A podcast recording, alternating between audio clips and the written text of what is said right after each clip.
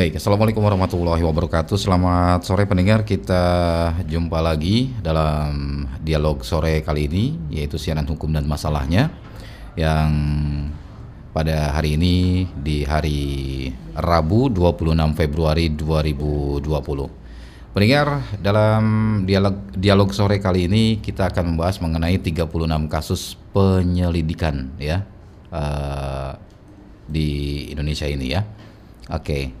Dan hadir di studio pendengar narasumber kami yang pertama ada Pak Bambang Medivit SA. Beliau adalah uh, praktisi LBKH Fakultas uh, Fakultas Hukum Unswagati Cirebon. Kita sapa terlebih dahulu. Selamat sore Pak Bambang. Selamat sore. Assalamualaikum warahmatullahi wabarakatuh. Waalaikumsalam warahmatullahi wabarakatuh. Kemudian juga ada Mas Erwin Pratama Saputra nih, uh, mahasiswa Universitas Gunung Jati Cirebon. Kita sapa terlebih dahulu. Selamat sore Mas Erwin. Selamat sore. Assalamualaikum warahmatullahi wabarakatuh. Waalaikumsalam warahmatullahi wabarakatuh.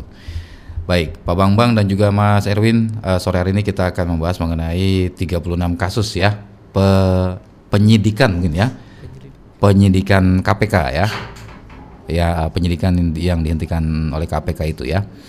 Ya, peringar nanti Anda juga bisa bergabung melalui telepon di 0231849329, SMS dan WhatsApp RRI Cirebon di 081324951935. 36 kasus yang dihentikan KPK berdasarkan permintaan penyelidik. Oke. Saya mau uh, ke Pak Bang Bang terlebih dahulu. Pendapat Pak Bang Bang nih terkait dengan uh, topik kita atau tema kita di hari ini tentang 36 kasus yang dihentikan KPK berdasarkan permintaan penyelidik. Seperti apa Pak Bambang? Baik bahwa fenomena atau kejadian yang begitu uh, meresahkan ya menurut saya bahwa tidak biasa KPK itu menyiarkan kepada publik terkait dengan beberapa uh, perkara yang pernah ditanganinya kemudian diberhentikan begitu. 20 uh, Februari 2020 kemarin bahwa secara kelembagaan KPK menyiarkan ada kurang lebih 36 kasus di tahap penyelidikan yang kemudian itu diberhentikan. Bagi saya melihatnya adalah ini adalah kebiasaan yang memang tidak biasa dilakukan oleh KPK karena kalau kita melihat uh, apa namanya praktik penanganan uh, persoalan korupsi itu biasanya pada tataran penyelidikan itu biasanya menjadi persoalan internal yang kemudian dibahas tidak kemudian dipublish keluar kan begitu. Yeah. Makanya uh, publik juga merasa heran dengan adanya uh, penghentian demikian bahwa alasan KPK e, menyampaikan e, 36 kasus itu diberhentikan adalah e, kurang lebihnya. Itu pertama e, kurang adanya bukti yang e, cukup. Hmm. bukti permulaannya kurang cukup untuk kemudian e, dinaikkan ke tahap penyidikan.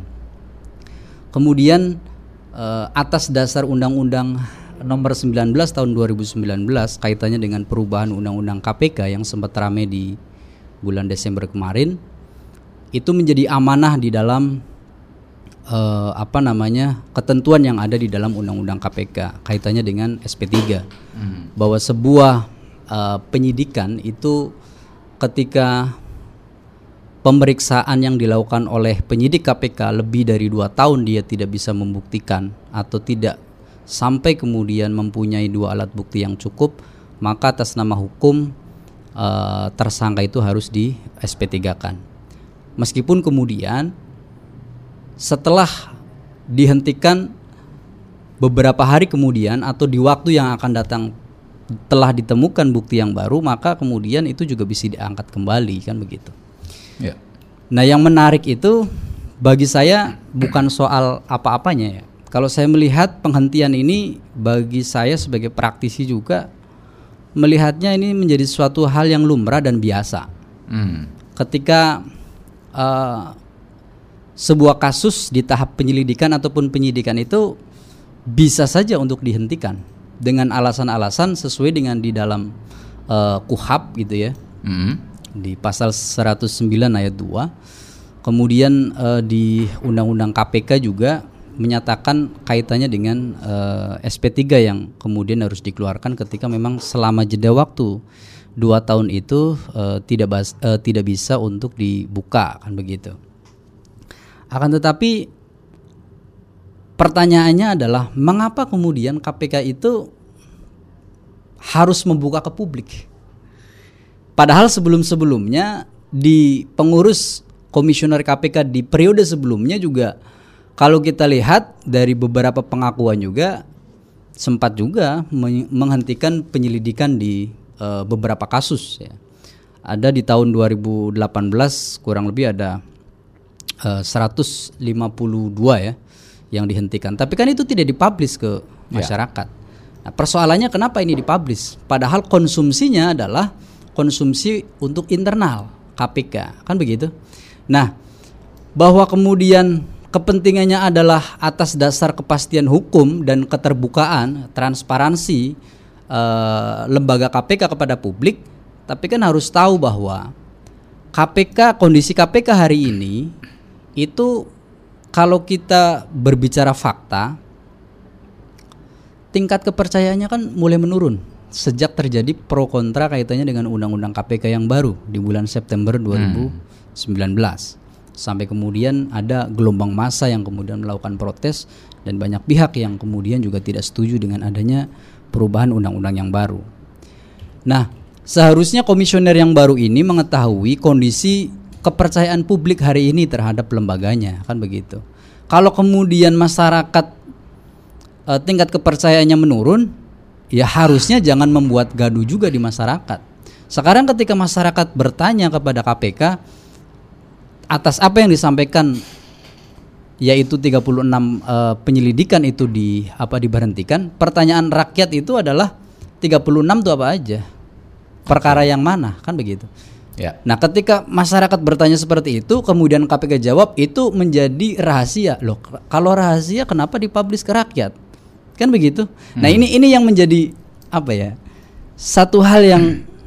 menurut saya Ya, saya nggak tahu ini salahnya siapa, tapi yang pasti bahwa dengan dipublish ke masyarakat ini menjadi okay. satu kelalaian sih sebenarnya. Yang harusnya sebenarnya nggak usah juga dipublish gitu. Hmm. Karena memang dalam prakteknya itu menjadi sesuatu yang lumrah, bukan hanya di KPK, di kepolisian, kejaksaan, hmm. gitu ya. Di beberapa lembaga juga sama aja. Ketika tidak cukup alat bukti ya sudah diberhentikan atas nama hukum. Oke, okay, berarti yang diberhentikan ini karena 36 kasus ini yang memang uh, apa namanya buktinya tidak kuat begitu ya? Ya menurut uh, eh, KPK begitu hmm. bahwa bukti permulaan yang cukupnya hmm. kurang kuat. Oke. Okay. Kemudian memang masa tenggangnya sudah uh, daluarsa lah kalau kita melihat undang-undang yang baru. Kan dua hmm. tahun itu ketika memang tidak bisa dibuktikan ya sudah di SP3. Nah, Baik. memang kemarin informasinya adalah kasus-kasus itu adalah kasus yang sudah memang lama dari 2008 sampai 2019 terakhir kemarin begitu. Artinya kurang hmm. lebih 9 tahun yang lalu begitu. Baik. Saya ke uh, Mas Erwin dulu nih. Mas Erwin sebagai mahasiswa Unsur Gati Cirebon nih. Kalau menurut Mas Erwin sendiri seperti apa nih dengan uh, eh, KPK menyampaikan kepada uh, publik ya bahwa 36 kasus ini dihentikan ya Bagaimana pendapat dari Mas Erwin sendiri? Karena ini berdasarkan uh, permintaan penyelidik. Ya, menurut saya ini awalnya kan tadi sudah disebutkan juga oleh Pak Medip mm -hmm. bahwa KPK itu awalnya kan memberi informasi kepada masyarakat mm -hmm. tentang informasi bahwa dia sedang menyelidiki sebuah kasus. Ya. Nah, tetapi di tengah-tengah dihentikan di SP3 kan 36 kasus yang tiba-tiba ditutup. Hmm. Nah, setelah ditutup kita pun sebagai masyarakat tidak mengetahui mana saja kah yang uh, permasalahan-permasalahan yang ditutup itu. Oh, kasusnya Kurangnya, kasusnya siapa saja begitu ya, mungkin ya. Ya. Oke. kurangnya transparansi sebenarnya. Hmm. Nah. Jadi keinginan dari eh, mahasiswa ataupun sebagai masyarakat, keinginannya eh, KPK ini lebih transparansi begitu ya? Ya, karena awalnya dia transparan tentang adanya kasus yang akan dia selidiki. Oke. Tetapi ketika kasus itu ditutup, kita tidak mengetahui kasus mana saja yang ditutup. Kasus apa saja ya? Kasus Iya. mana? Kasus mana saja? Oke, saya ke Pak Bambang lagi nih. Pak Bambang, ini kan eh, kira-kira kalau sudah ditutup seperti ini, apakah bisa dibuka lagi nih kasus eh, seperti ini? Bisa. Bisa. Catatannya adalah ada bukti yang baru. Baru itu bisa dibuka lagi. Ada bukti-bukti yang baru. Betul. Itu Oke. kenapa menjadi alasan KPK kenapa tidak mau buka dari 36. Hmm. 36 itu kan hanya disampaikan saja bahwa kita hentikan 36 kasus di tahap penyelidikan, kan Hmm. begitu. Ya. Nah, untuk persoalan 36 itu di antaranya satu siapa, dua siapa dan seterusnya itu kan tidak dibuka. Hmm. Karena menurut mereka itu adalah rahasia yang tidak boleh dibuka.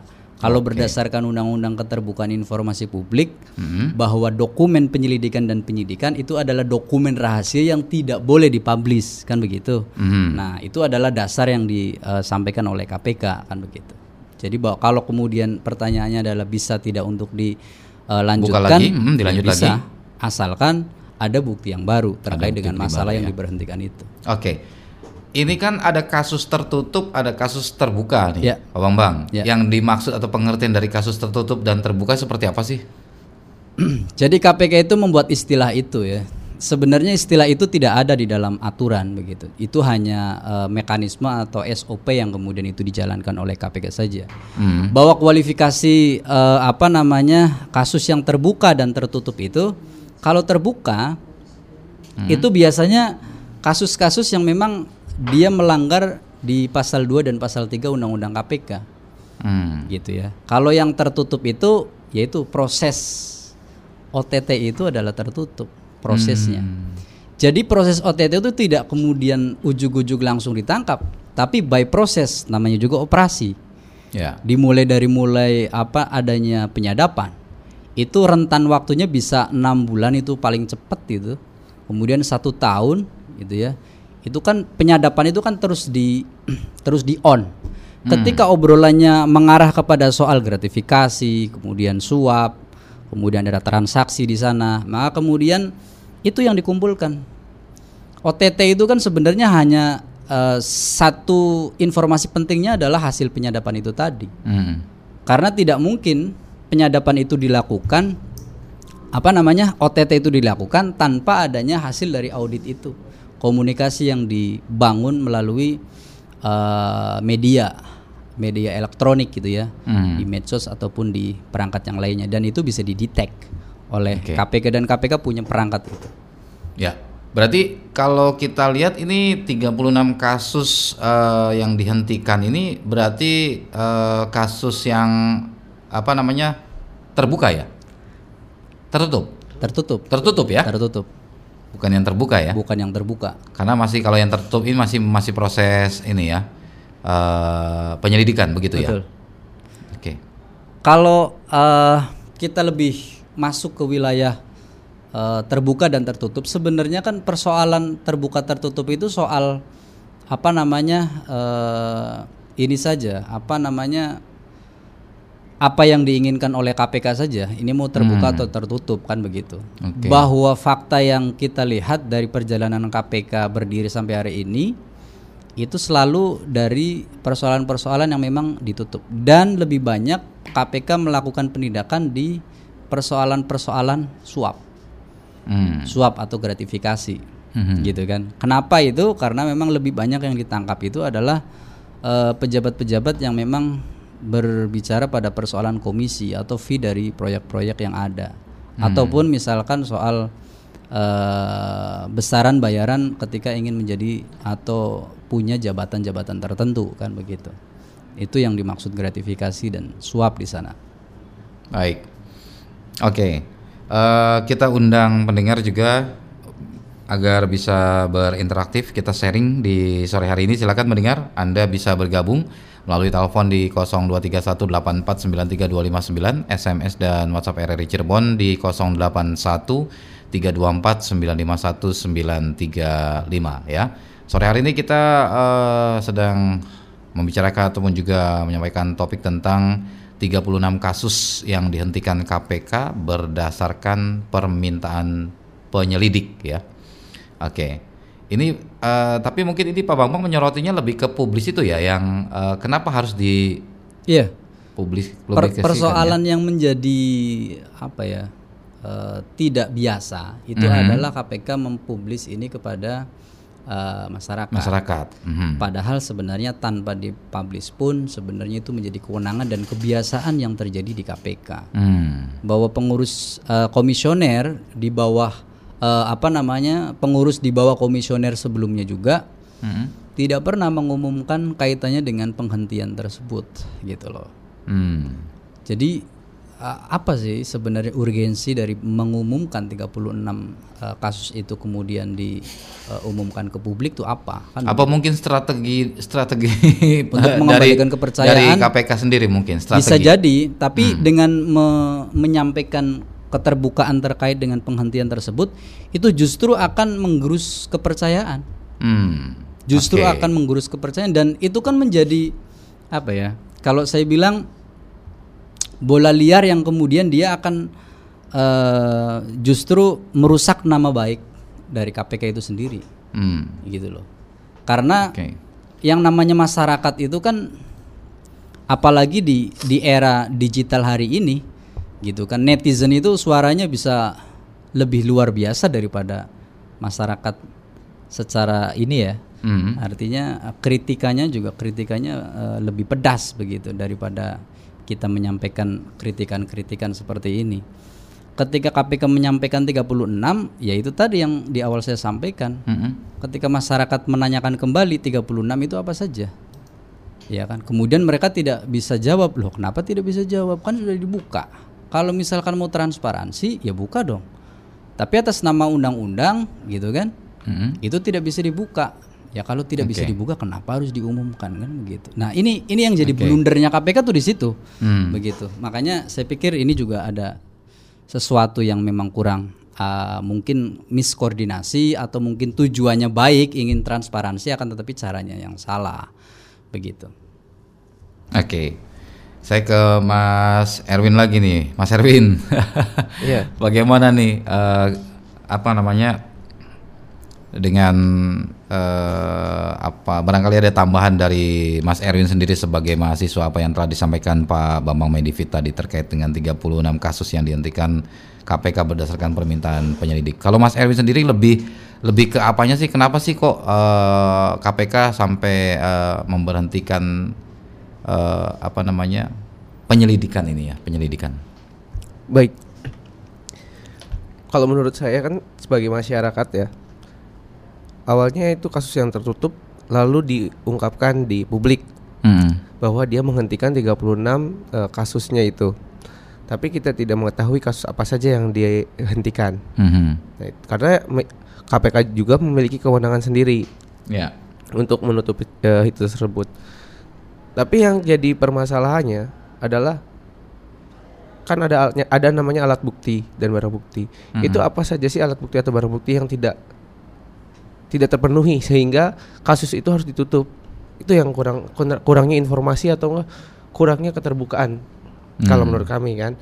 Mhm. Itu yang tidak ada informasi mengapa sih KPK menutup kasus tersebut? Apakah buktinya kurang? Apakah alatnya kurang? Barang buktinya sorry. Nah, atau apa yang apa yang dipermasalahkan gitu tuh? Itu. Oke. Terus yang terpentingnya ada lagi tadi kita awalnya kan jadi kepercayaan tuh jadinya ragu-ragu sebagai masyarakat atau sebagai mahasiswa. Oke. Ini seperti apa sih? Ada apa gitu dengan KPK? Hmm. Ya, betul seperti apa yang disampaikan Pak Bambang tadi juga ya.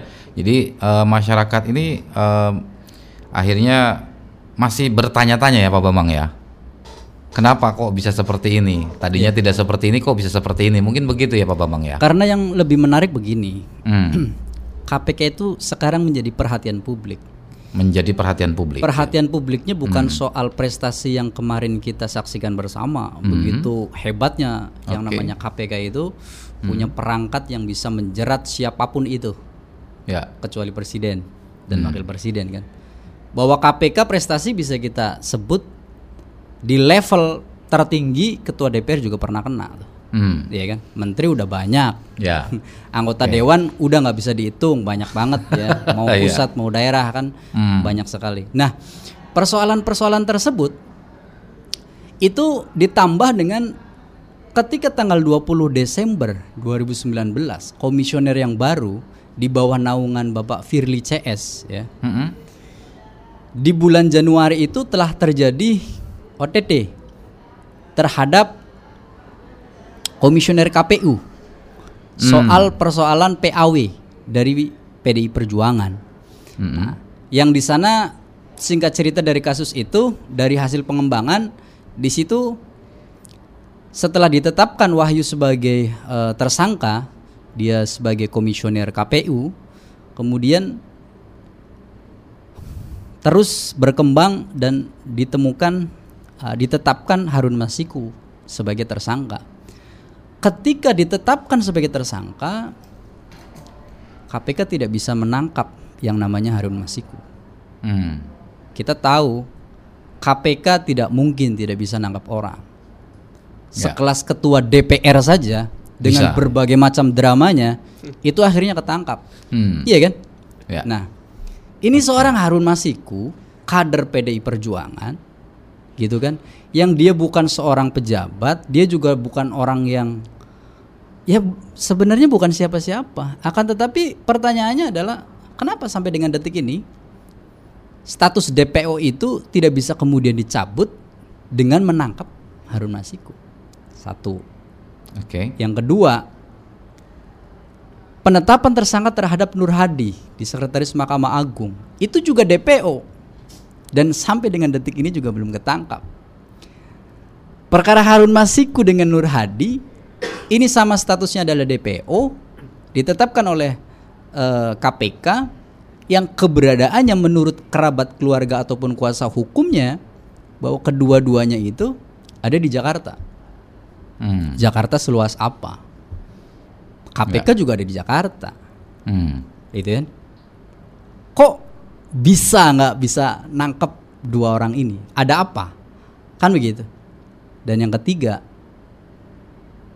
kenapa kemudian yang namanya KPK itu gagal untuk melakukan penggeledahan di sekretariat PDI pada saat di bulan Januari kemarin?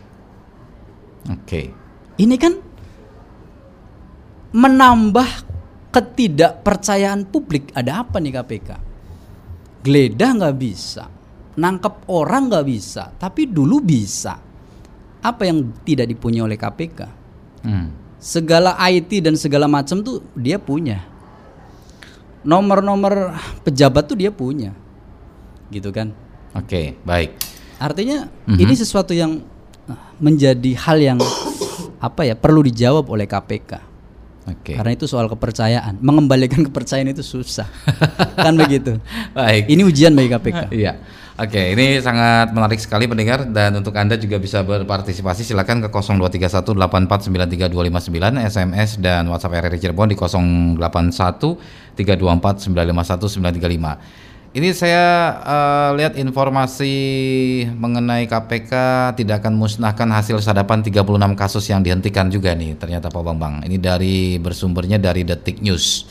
Dan ternyata aturan baru KPK yakni Undang-Undang Nomor 19 Tahun 2019 memberikan ruang kepada KPK untuk memusnahkan hasil sadapan yang tidak terkait perkara tindak pidana korupsi. Betul. Namun KPK mengaku tidak serta-merta menerapkan aturan itu terhadap hasil sadapan 36 kasus di tahap penyelidikan yang dihentikan. Oke, eh, ini disampaikan oleh PLT juru bicara KPK Ali Fikri. Ya. Ya. Dan Ali Fikri juga menyampaikan katanya eh, di samping undang-undangnya ini tentu juga 17 Oktober 2019 dan ini adalah perkara yang dihentikan 2010, 2011, 2013 sampai 2019. Ya. Nah, ini tentunya sebelum diberlakukan Undang-Undang KPK yang baru nomor 19 tahun 2019. Jadi ternyata kasus-kasus saya ini kasus-kasus ta- dari tahun 2010 ya, 2010, 2011, 13, 2019. Betul. Persoalan 36 kasus itu adalah perkara yang di tahun 2011, 13, 15, 19 itu itu soal lain. Kita kan nggak tahu. KPK kan hanya menyampaikan 36, tidak menyampaikan 36 itu apa saja. Oke. Kan begitu. Jadi namanya masyarakat Ya. boleh dong bertanya gitu kan. Karena yang memulai kan KPK. Ya. Itulah. Akhirnya kan masyarakat lebih nakal cara berpikirnya. Ah, Ketika dia buka kita bertanya, dia nggak jawab, ya kita malah nambah curiga. Hmm. Ya kan begitu. Makanya apa ya? Harusnya komisioner hari, hari ini itu tahu bahwa masyarakat hari ini tidak butuh informasi-informasi yang sebenarnya tidak menjadi apa ya? Satu hal yang membahagiakan bagi masyarakat. hmm. Kalau penam kalau penangkapan yang dilakukan oleh KPK itu menurut saya itu adalah berita bahagia bagi masyarakat bahwa pejabat atas nama ini telah ditangkap KPK kan begitu.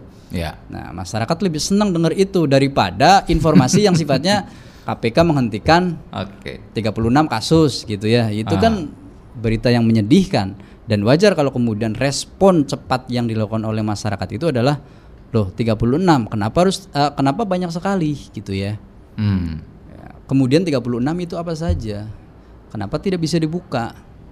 Gitu kan. Nah, itu menjadi hal-hal perdebatan di tengah KPK dalam kondisi tingkat kepercayaannya itu Hmm. terus menurun. Survei kemarin dari eh, lembaga Alfara Riset itu mensurvei kaitannya dengan tingkat eh, keberhasilan KPK dari komisioner yang lama dengan komisioner yang eh, baru gitu ya. Dan hasilnya cukup eh, mencengangkan yang biasanya di peringkat satu gitu ya, sekarang sudah peringkat 5 per 20 Februari kemarin Hmm. peringkat kelima. Artinya sebenarnya KPK juga harus hati-hati sih untuk melakukan satu arah kebijakan ke depan itu seperti apa. Jangan sampai yang terjadi adalah eh, menyampaikan informasi pada akhirnya informasi itu berimplikasi kepada KPK sendiri gitu loh. Itu yang itu yang saya maksud gitu ya. Mana yang perlu dipublish, mana yang enggak kan begitu. Harusnya KPK lebih fokus pada soal-soal eh, apa namanya eh, penindakan dan pencegahan yang harusnya itu dilakukan oleh KPK daripada menyampaikan informasi model-model begini. Gitu. Apa pun niatnya, ya namanya masyarakat, gitu ya. Itu punya pikiran masing-masing dan kecurigaannya juga lebih tinggi masyarakat itu terhadap eh, lembaga-lembaga negara. Oke. Baik. Ini eh ada anggota Komisi 3 DPR fraksi PDIP Masinton Pasaribu nih yang katanya meminta dilakukan audit nah terhadap Komisi Pemberantasan Korupsi KPK atas penghentian penyelidikan 36 kasus. Oke. Sebagai masyarakat dulu nih. Bagaimana eh, sebagai mahasiswa dan mewakili masyarakat mungkin apa nih yang ingin disampaikan terkait tadi ada anggota Komisi 3 DPR fraksi PDIP Masinton Pasaribu yang katanya meminta dilakukan audit nih terhadap KPK atas penghentian penyelidikan 36 kasus yang eh, dihentikan tadi.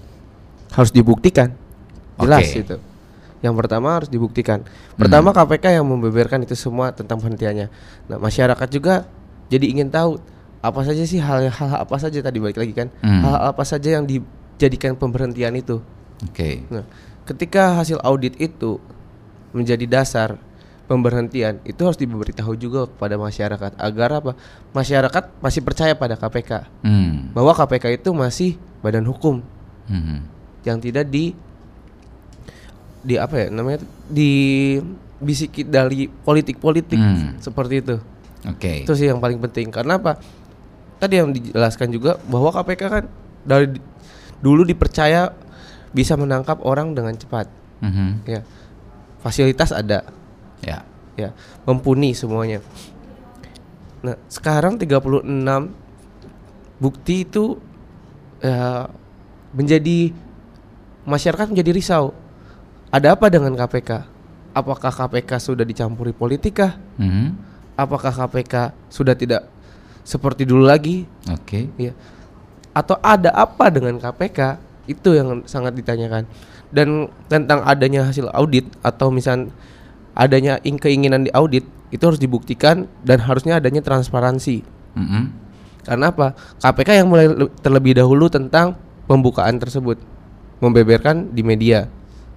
Oke. Masyarakat jadi ingin tahu tentang apa yang terjadi dengan KPK seperti itu. Baik. Pak Bambang dan juga Mas Erwin, ini ada SMS dari Pak Tata yang ada di Plumbon. Ya. Eh, menurut Pak Tata Pak Ya, menurut Pak Abraham, oh ini Pak Abraham Samad katanya KPK sekarang sudah lumpuh. Apa betul, Pak? Eh, menurut hemat saya, benang merah dari persoalan negara dalam menegakkan kebenaran dan keadilan di negeri ini mestinya semua kepala pemerintahan dari bawah sampai atas jangan da- jangan dari penunjukan partai politik katanya. Sebab biasanya parpol-parpol itu eh, minta kembalian, minta jatah-jatah tertentu. Jadi yang baiknya dari kaum proporsional. Proporsional. Oke, ini dari Pak Tata di Plumbon. Terima kasih Pak Tata yang ada di Plumbon ya sudah berpartisipasi.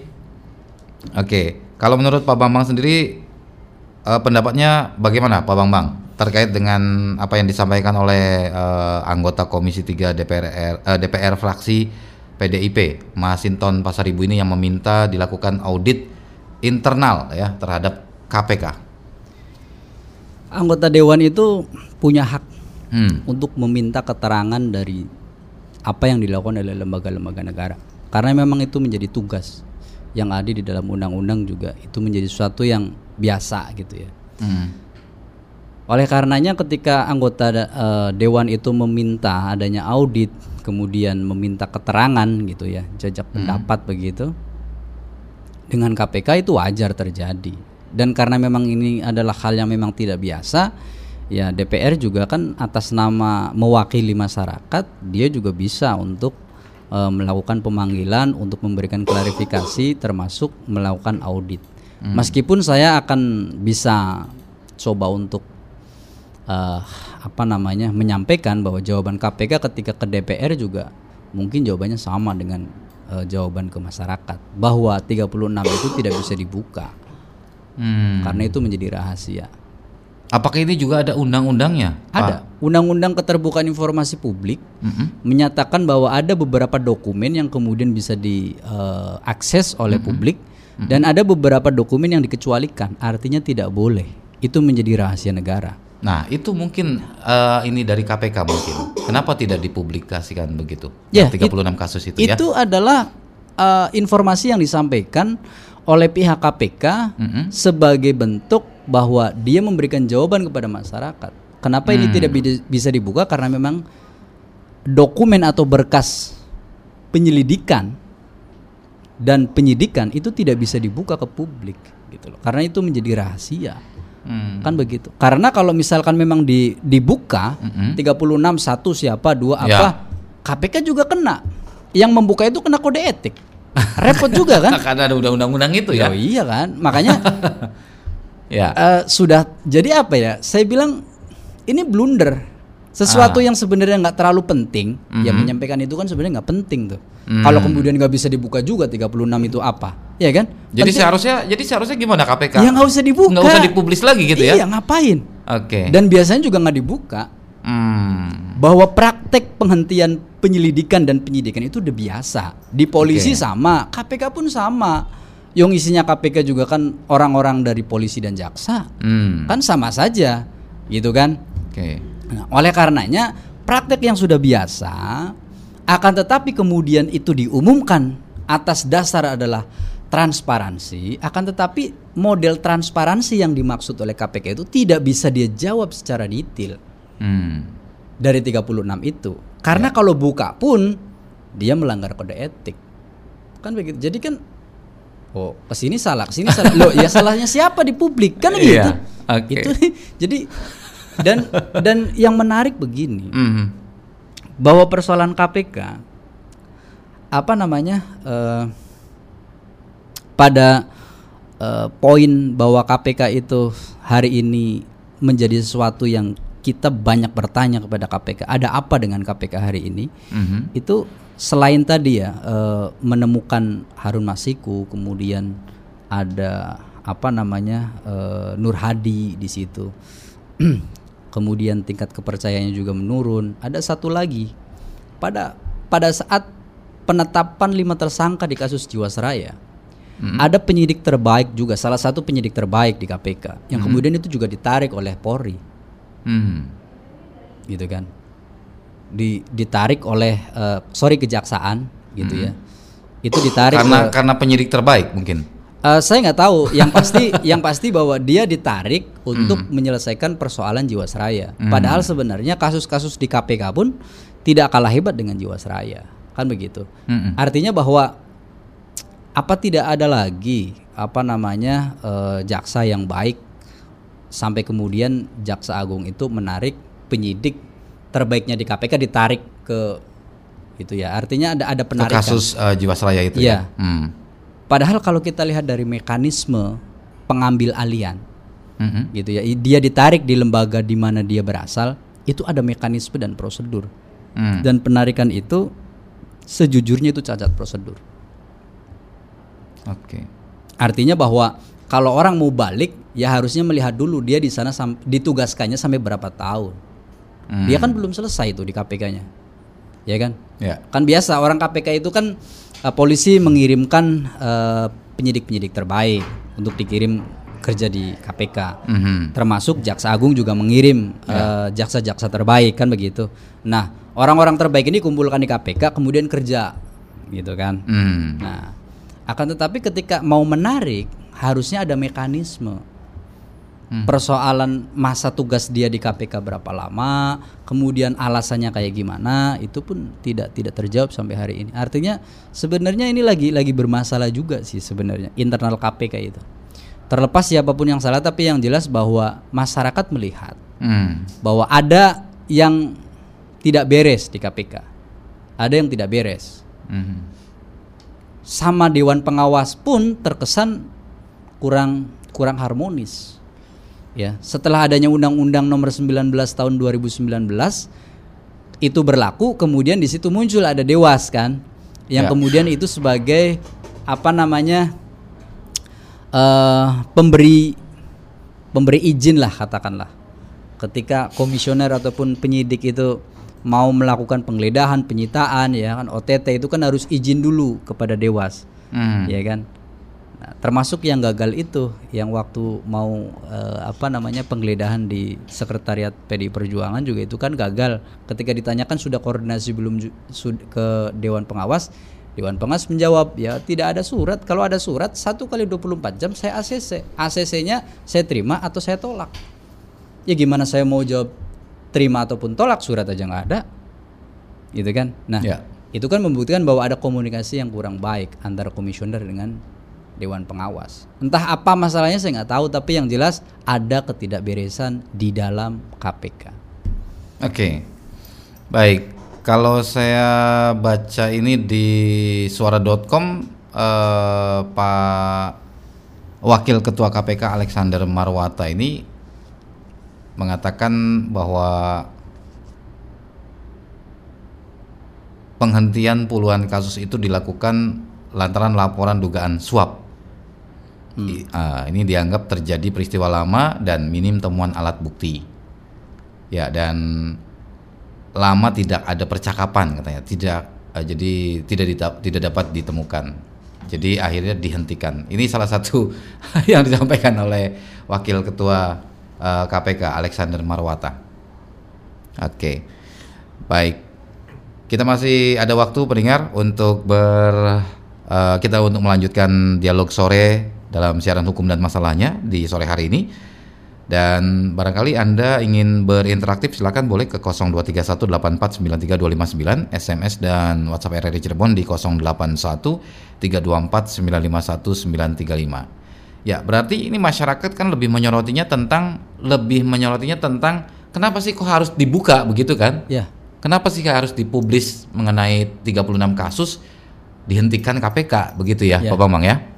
Kalau alasannya wakil ketua KPK tadi uh, pada persoalan jadi berdasarkan jejak digital gitu ya, mm. di, di, mereka punya sistem nyadap itu.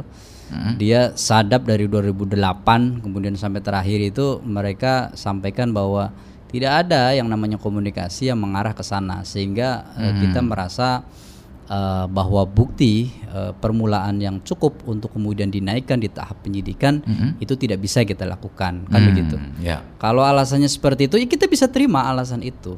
Cuma kembali lagi bahwa tadi dia juga menyampaikan bahwa soal uh, 36 kasus itu adalah soal suap gitu ya. Ya, betul itu.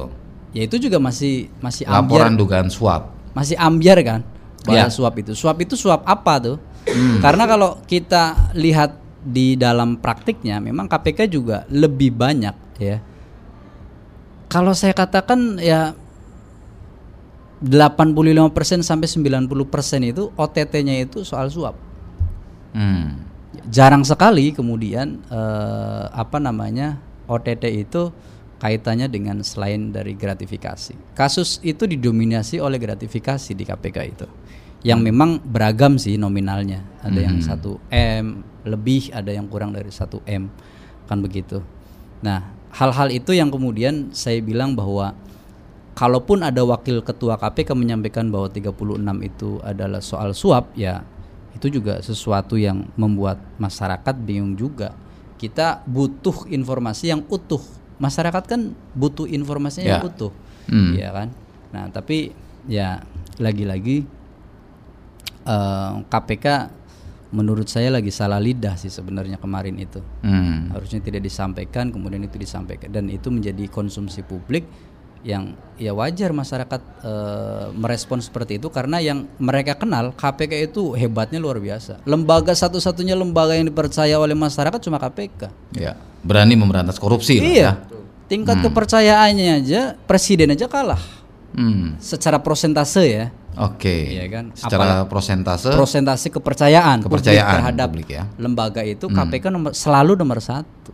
Nah, karena sudah biasa masyarakat itu mengagung-agungkan yang namanya KPK, kemudian KPK yang hari ini bekerja kok kerjanya kayak gini, jadi kan Cih kok begitu kan begi- Bertanya wajar, ya? wajar saja kan yang biasanya hebat Ah. kok sekarang jadi nggak hebat malah kemudian mengumum yang diumumkan adalah menghentikan bukan menindak Hmm. masyarakat kan begitu akhirnya bertanya Jadi keinginan masyarakat adalah informasinya ya KPK menindak ini gitu ya, Iya. kasus ini begitu ya. KP yang diinginkan masyarakat secara umum, apalagi mereka-mereka yang memang tidak eh, firm ya pada soal penegakan hukum itu, yang penting KPK banyak nangkep orang.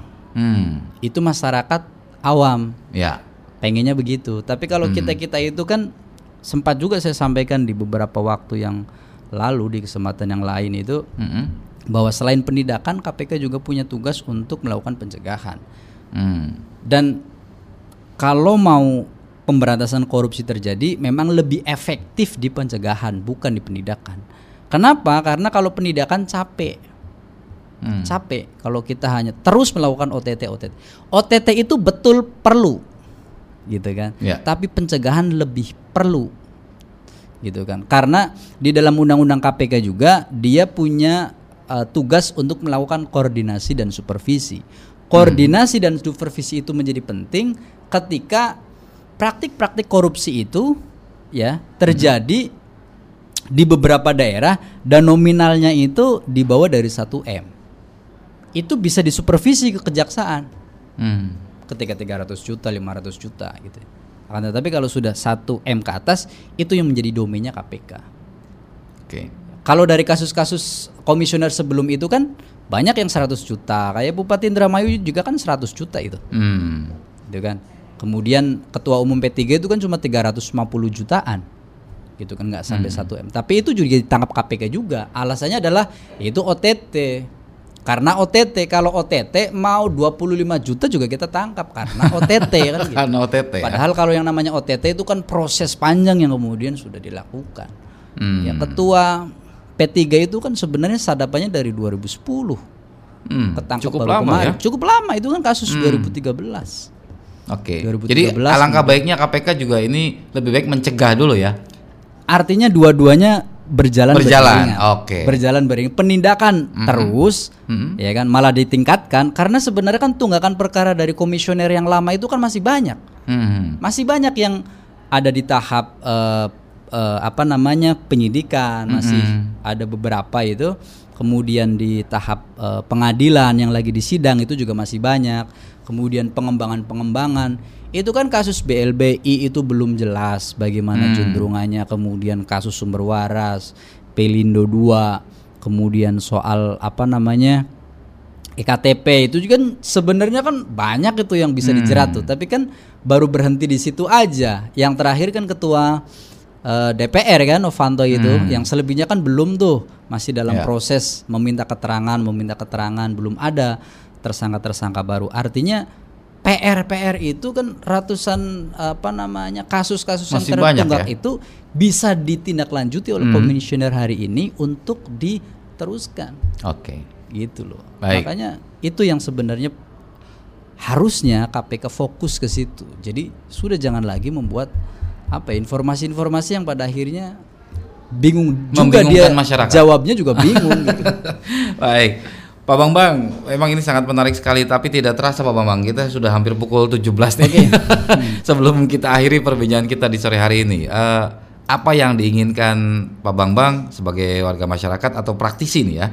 Pak Bambang ini sebagai praktisi eh, LBKH Fakultas Hukum Unswagati Cirebon. Apa yang ingin disampaikan? Ya saya ingin menyampaikan kepada KPK ya bahwa fokuslah bekerja untuk eh, melaksanakan tugas sesuai dengan eh, undang-undang yang ada. Hmm. Kalau kemudian eh, penindakan itu perlu untuk ditingkatkan, tingkatkanlah penindakan itu. Lakukan OTT sebanyak mungkin yang menurut KPK bisa lakukan kan begitu. Hmm. Kemudian pencegahan juga jangan lupa karena itu juga sebenarnya lebih efektif untuk melakukan pemberantasan daripada penindakan. Tapi eh, penindakan dan pencegahan itu menjadi dua hal yang harus dijalankan secara beriringan. Hmm. Kan begitu. Karena memang di dalam eh, undang-undang KPK itu jelas mengatur kaitannya dengan pencegahan dengan penindakan kan begitu.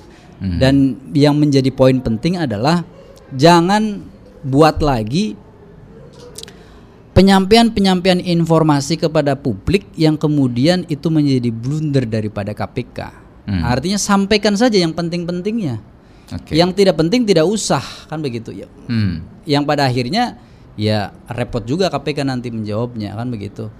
Di tengah kepercayaan eh, KPK yang menurun ya oleh masyarakat, maka bangunlah kepercayaan itu, naikkan kepercayaannya lagi dengan cara melakukan fokus pada penindakan-penindakan dari PR-PR kasus-kasus yang sudah-sudah gitu ya dan kemudian eh, apa namanya lakukan penindakan-penindakan pada eh, apa namanya lima tahun yang akan datang sudah tidak eh, ada waktu lagi untuk berleha-leha dan tidak ada waktu lagi untuk menyampaikan informasi-informasi yang membuat masyarakat akhirnya banyak bertanya dan banyak curiga.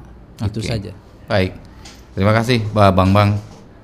Mas Erwin Pratama Saputra nih sebagai mahasiswa Unswagati Cirebon dan mungkin mewakili masyarakat. Apa yang ingin disampaikan? Silakan. Ya, untuk KPK pertama harus makin lebih tegas lagi untuk melakukan tugas-tugasnya. Jangan sampai pandang bulu. Jangan sampai ada kepentingan politik di dalam KPK. Itu yang sangat paling penting tuh. Oke. Tuh, jangan sampai ada kepentingan-kepentingan politik yang akhirnya menghalalkan segala cara untuk menutupi semua itu. Tuh. Baik. Agar apa percaya kalau masyarakat pun percaya akan KPK untuk memberantas semua korupsi-korupsi yang ada di Indonesia khususnya itu. Dan pesan untuk KPK hidup ini hanya pilihan. Mau dibunuh atau di, membunuh. Apakah KPK mau dibunuh oleh orang-orang luar? Apakah KPK ingin membunuh para koruptor-koruptor? Itu saja. Oke. Yang terpenting adalah itu. KPK harus lebih fokus, lebih tegas, jangan sampai terprovokasi oleh luar dan harus lebih netral. Jangan sampai wah ini eh, ada kepentingan khusus dengan orang ini. Hmm. Jadi nggak usah disi- di, nggak usah diselidikin. Kalau. Bapak pernah lihat juga kan ada tentang kasus catatan buku merah yang disobek. Ya. Nah, Oke. ya itulah. Kalau Baik. melebar makin makin panjang. Intinya harus lebih fokus Ya, baik. Dan jangan ada kepentingan-kepentingan khusus dalamnya. Terima Baik. kasih. Terima kasih Mas Erwin Pratama Saputra eh, yang telah mewakili mahasiswa uh, dan juga masyarakat ya uh, terkait keinginan kepada KPK nih ya. Baik, mudah-mudahan apa yang telah kita perbincangkan di sore hari ini betul-betul sangat bermanfaat untuk kita semuanya. Terima kasih Pak Bambang, terima kasih Mas Erwin sudah bersama RRI Cirebon di dialog sore hari ini. Kita akhiri pendengar dialog sore. Selamat sore dan wassalamualaikum warahmatullahi wabarakatuh. Waalaikumsalam.